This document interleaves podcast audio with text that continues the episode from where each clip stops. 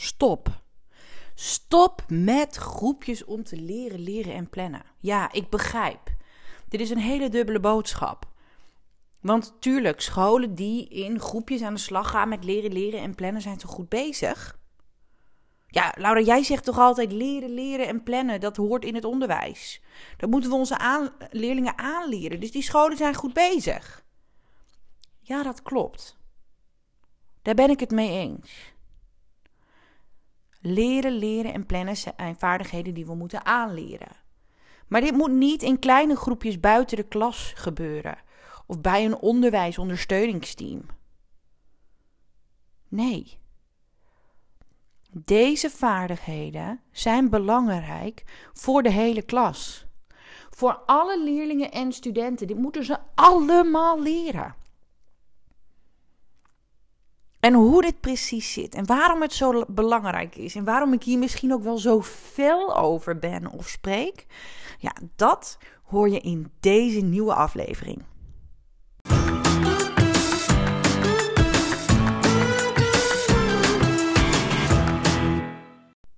Hey, wat leuk dat je luistert naar de podcast van het Leerlab. In deze podcast leer ik docenten, mentoren, coaches, SLB'ers, LOB'ers, IB'ers, ja, eigenlijk alle onderwijsprofessionals die je kan bedenken, alles over leren, leren en plannen. Wat zegt de wetenschap? Wat zeggen de onderzoeken over deze onderwerpen? Maar nog belangrijker, hoe vertaal je dat naar, naar de praktijk? Ja, heel leuk dat je luistert. Ik ben Laura en met het Leerlab heb ik een grootse missie. Namelijk alle leerlingen in Nederland en België leren, leren en plannen.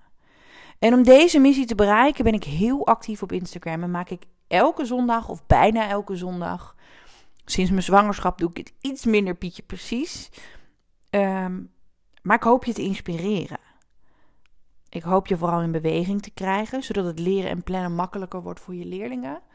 Maar steeds vaker denk ik ook dat, de, dat ik hoop en dat ik ervoor wil gaan om je aan het denken te zetten. Om samen met jou impact te kunnen maken in ons onderwijs. Het onderwijsland wakker te schudden. Ja. En het onderwijs verandert misschien langzaam, stap voor stap. En dat is ook oké. Ik heb geduld, ik heb de tijd. Maar als het over leren, leren en plannen gaat, ben ik mega enthousiast. Ben ik mega gepassioneerd. Wil ik je ervan alles over vertellen. En heb ik ook best wel een duidelijke mening over een aantal zaken. He, laatst nog een aflevering over het verbod op mobieltjes. En of ik daar wel of niet voor tegen ben, dat hoor je natuurlijk in die aflevering. Maar ondanks dat dat onderwijs veranderen lang duurt, heb ik op een dag wel besloten om te stoppen om niet meer in het onderwijs te werken en daar vol voor te gaan. Omdat ik geloof dat dat kan. En ik denk dat jij dat ook gelooft, want anders zat je nu niet deze podcast te luisteren omdat jij ook het beste wil voor onze leerlingen, voor onze studenten. Omdat je door dagelijkse praktijk ziet wat nodig is. En de titel van deze aflevering: Stop met groepjes om te leren, leren en plannen. Ja, dit komt ergens vandaan. En ik begrijp echt wel dat deze titel misschien een beetje een, een dubbel gevoel geeft. Want misschien werk jij op een school waarin, waarin dit ook gebeurt. En jongens, echt waar, ik schrik. Maar dit komt zoveel voor. Afgelopen jaar mocht ik een docent begeleiden, of een coach begeleiden. Die was gevraagd om op scholen um, executieve functieklasjes te doen. En daar een training voor te maken. Of scholen waar ik heb samengewerkt. En waar ik zelf ook heb gewerkt. En als ik daar nu op terugkijk, waarom heb je dat eigenlijk gedaan, Koops? Laura Koops van Jacht. Dat, is, Dat je één op één leerlingen buiten de klas gaat begeleiden, omdat die leerlingen vastlopen op het gebied van leren, leren en plannen. Fantastisch hè, dat ik die leerlingen kon helpen. En dat deed ik zelf met mijn praktijk ook. Of het ondersteuningsteam. Dat kan natuurlijk ook, dat jullie een ondersteuningsteam of zorgteam in school hebben. Maar wat ik zie gebeuren is dat vooral heel veel leerlingen, individuele leerlingen, daar terechtkomen. Omdat ze vastlopen op deze gebieden. Of dat ze ergens anders op vastlopen, maar dat dit, dit, dit achterliggende probleem is. Of een school waar ik laatst contact mee had, die, hè, die deden meerdere dingen, hartstikke goed, maar hadden ook die klasjes. En dan krijg je buiten de les dus extra les, begeleiding op het gebied van leren, leren en plannen. En de dag dat ik deze podcastaflevering opneem, ben ik echt geschrokken. Want ik zag een Facebook-oproep. Ik zit in zo'n groep met allerlei mensen die geïnspireerd en gepassioneerd zijn over leren, leren en plannen. En nou, voornamelijk leren, leren. Fantastisch. Doe er niet zo heel veel mee. Maar ik zat gewoon even op Facebook en ik zag daar een oproep. Hoi allemaal, ik praat met de gemeente over leren, leren lessen. En dat zijn dan vijf lessen. Of de, ja, nou, ik zal niet precieze training noemen, hè, want. Ehm, en we praten in de gemeente om die aan te bieden aan al onze leerlingen op alle scholen in de gemeente. Om daar, uh, heeft iemand een advies hoe ik dit kan aanpakken? Uh, want dit is toch een mooie manier voor kansengelijkheid. Heeft iemand advies? Nou, ik moest me echt heel eerlijk inhouden. En dat doe ik dan dus ook wel uiteindelijk. Maar daar komt deze frustratie, daar komt deze podcast vandaan. Ja, ik heb advies. Ik heb een heel duidelijk advies. Dat moet je niet doen. Dat is niet genoeg. Als jij slechts vijf lesjes in je hele schoolcarrière krijgt over leren leren, motivatie, concentratie en plannen, is dat niet genoeg en heb je die vaardigheid nog niet onder de knie. Dus dat is leuk, maar is niet voldoende. Is absoluut niet genoeg.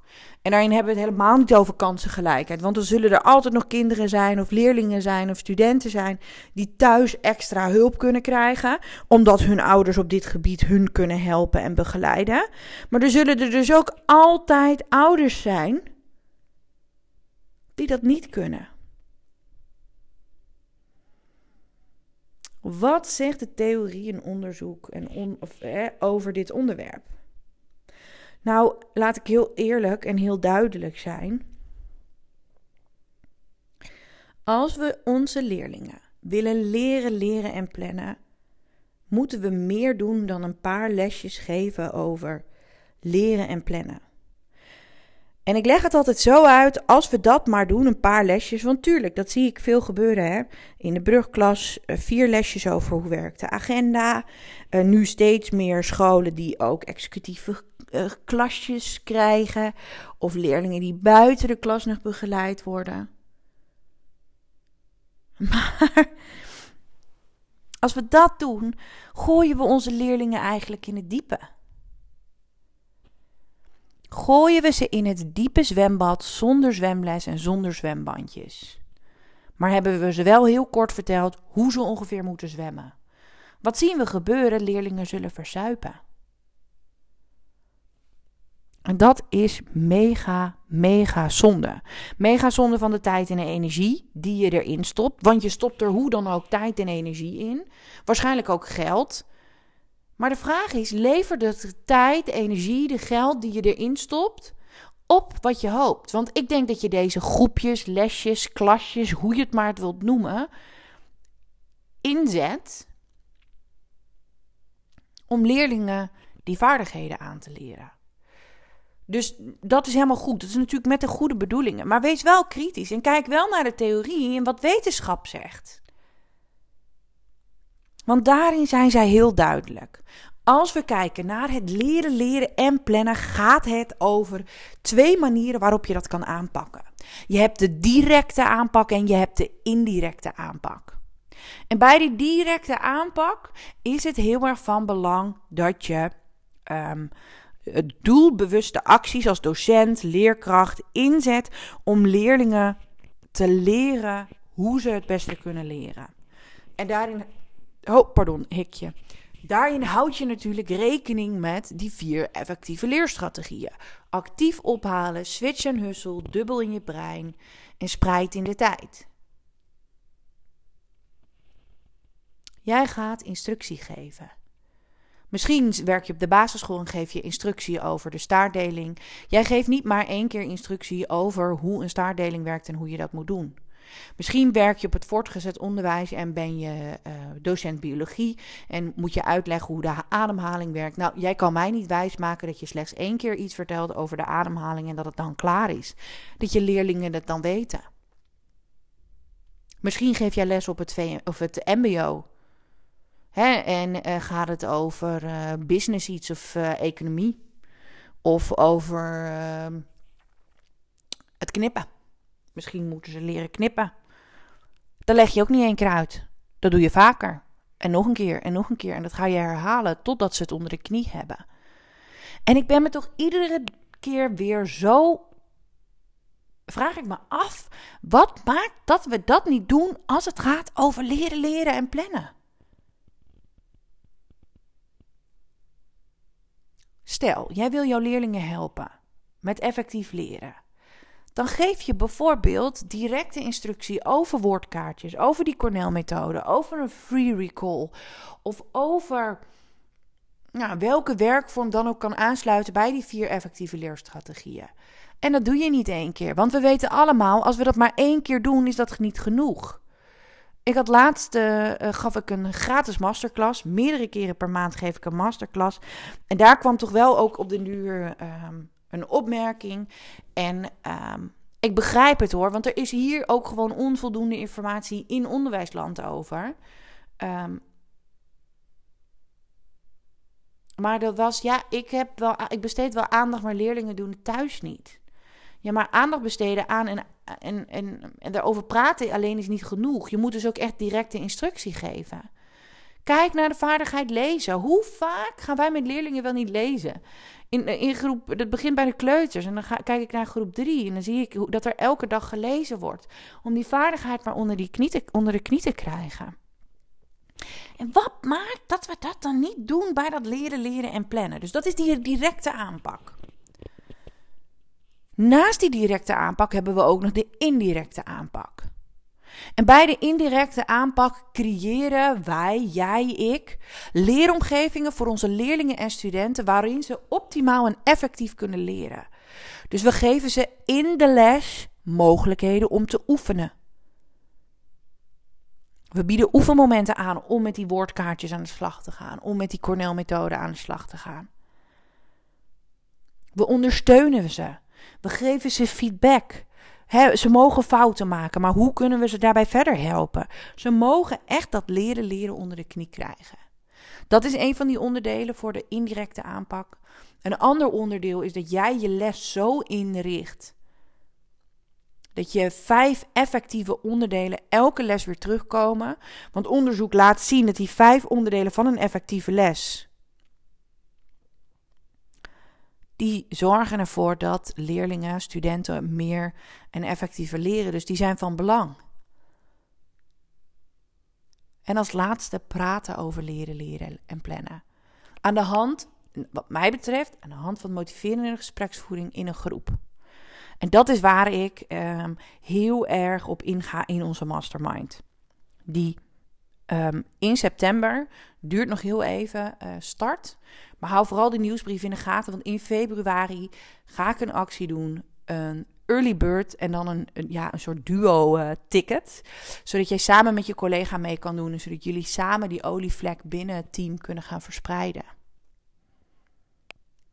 Naast die directe en indirecte aanpak, waar ik het net over had, hebben we dus ook te maken met dat die los, zeg ik heel duidelijk, hè, die losse lesjes helpen niet. En waarom heeft dat nou daarmee te maken? Nou, Alles laat zien dat we onze leerlingen contextgebonden leren. En dat betekent dat als we in de geschiedenisles bezig gaan met die Cornell-methode, dan maken ze niet automatisch die transfer dat ze dat ook, die Cornell-methode voor Nederlands, voor wiskunde, voor nou ja, biologie, noem het maar op, in kunnen zetten en hoe ze dat moeten doen. Dat is echt iets wat we ze moeten leren.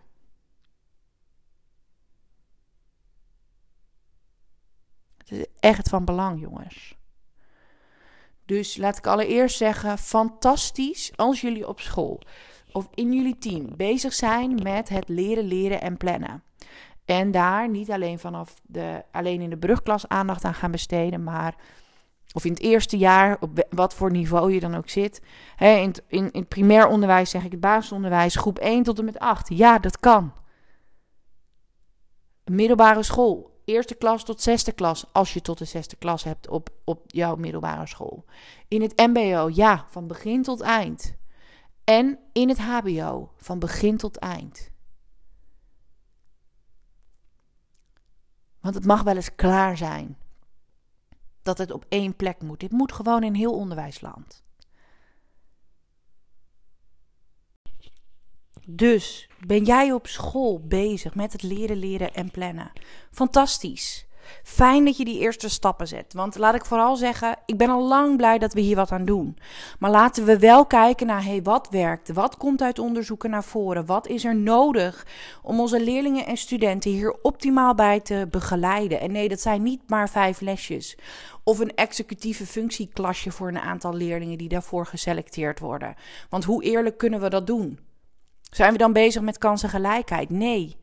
Hoe kunnen we het leren leren, plannen, het effectief leren, executieve functies, hoe je het maar wilt noemen, vaste plek in het onderwijs krijgen? Hoe zorg je ervoor dat al jouw leerlingen dat kunnen doen? Zoals ik in het begin al zei, ik heb een hele duidelijke missie. Ik wil impact maken. Ik wil het onderwijs wakker schudden. Ik wil er samen met jou voor zorgen dat dit iets is wat al onze leerlingen krijgen. En dat maakt dat wij ook onder andere een, lesmethode hebben ontwikkeld. Een lessenserie voor het MBO, maar ook planagenda's um, met daarin leren leren, zodat je dit meer kan implementeren. We begeleiden scholen om effectievere lessen te geven, zodat alle leerlingen in die les effectief leren. Wij doen echt een heleboel en we willen je heel graag helpen. Wij willen jullie heel graag helpen. Want uiteindelijk, als wij jullie kunnen helpen, inspireren, uh, enthousiasmeren en ook echt in beweging krijgen, dan hebben onze leerlingen en studenten er wat aan. En dat is ook precies de reden waarom wij geen losse workshops bijvoorbeeld meer geven. Dat deed ik in het begin. Maar dan gaf ik een losse workshop. Een deel van het team wilde niet. Vijf mensen zaten te ouwen, onderuitgezakt en op hun mobiel of toch hun mail bij te werken. Een deel was helemaal enthousiast. En um, die dacht, daarna ga je misschien één werkvorm proberen. Want dat is wel wat we vaak doen. Hè? We proberen. Nee, niet pro proberen. We gingen zo dingen neerzetten dat mensen ook echt in beweging kwamen. Maar um, uh, zorgen ervoor we willen meer dan inspireren en één keer een werkvorm proberen. Wij zorgen, wij willen met jou, met jullie zorgen voor een duurzame verandering. Voor een langdurige verandering. Niet alleen voor morgen, nee, niet alleen voor dit schooljaar, voor de rest van schoolcarrière voor jullie leerlingen en studenten. Nou, dit was hem voor deze week. Dankjewel voor het luisteren. Ik zeg hasta la vista. Ciao.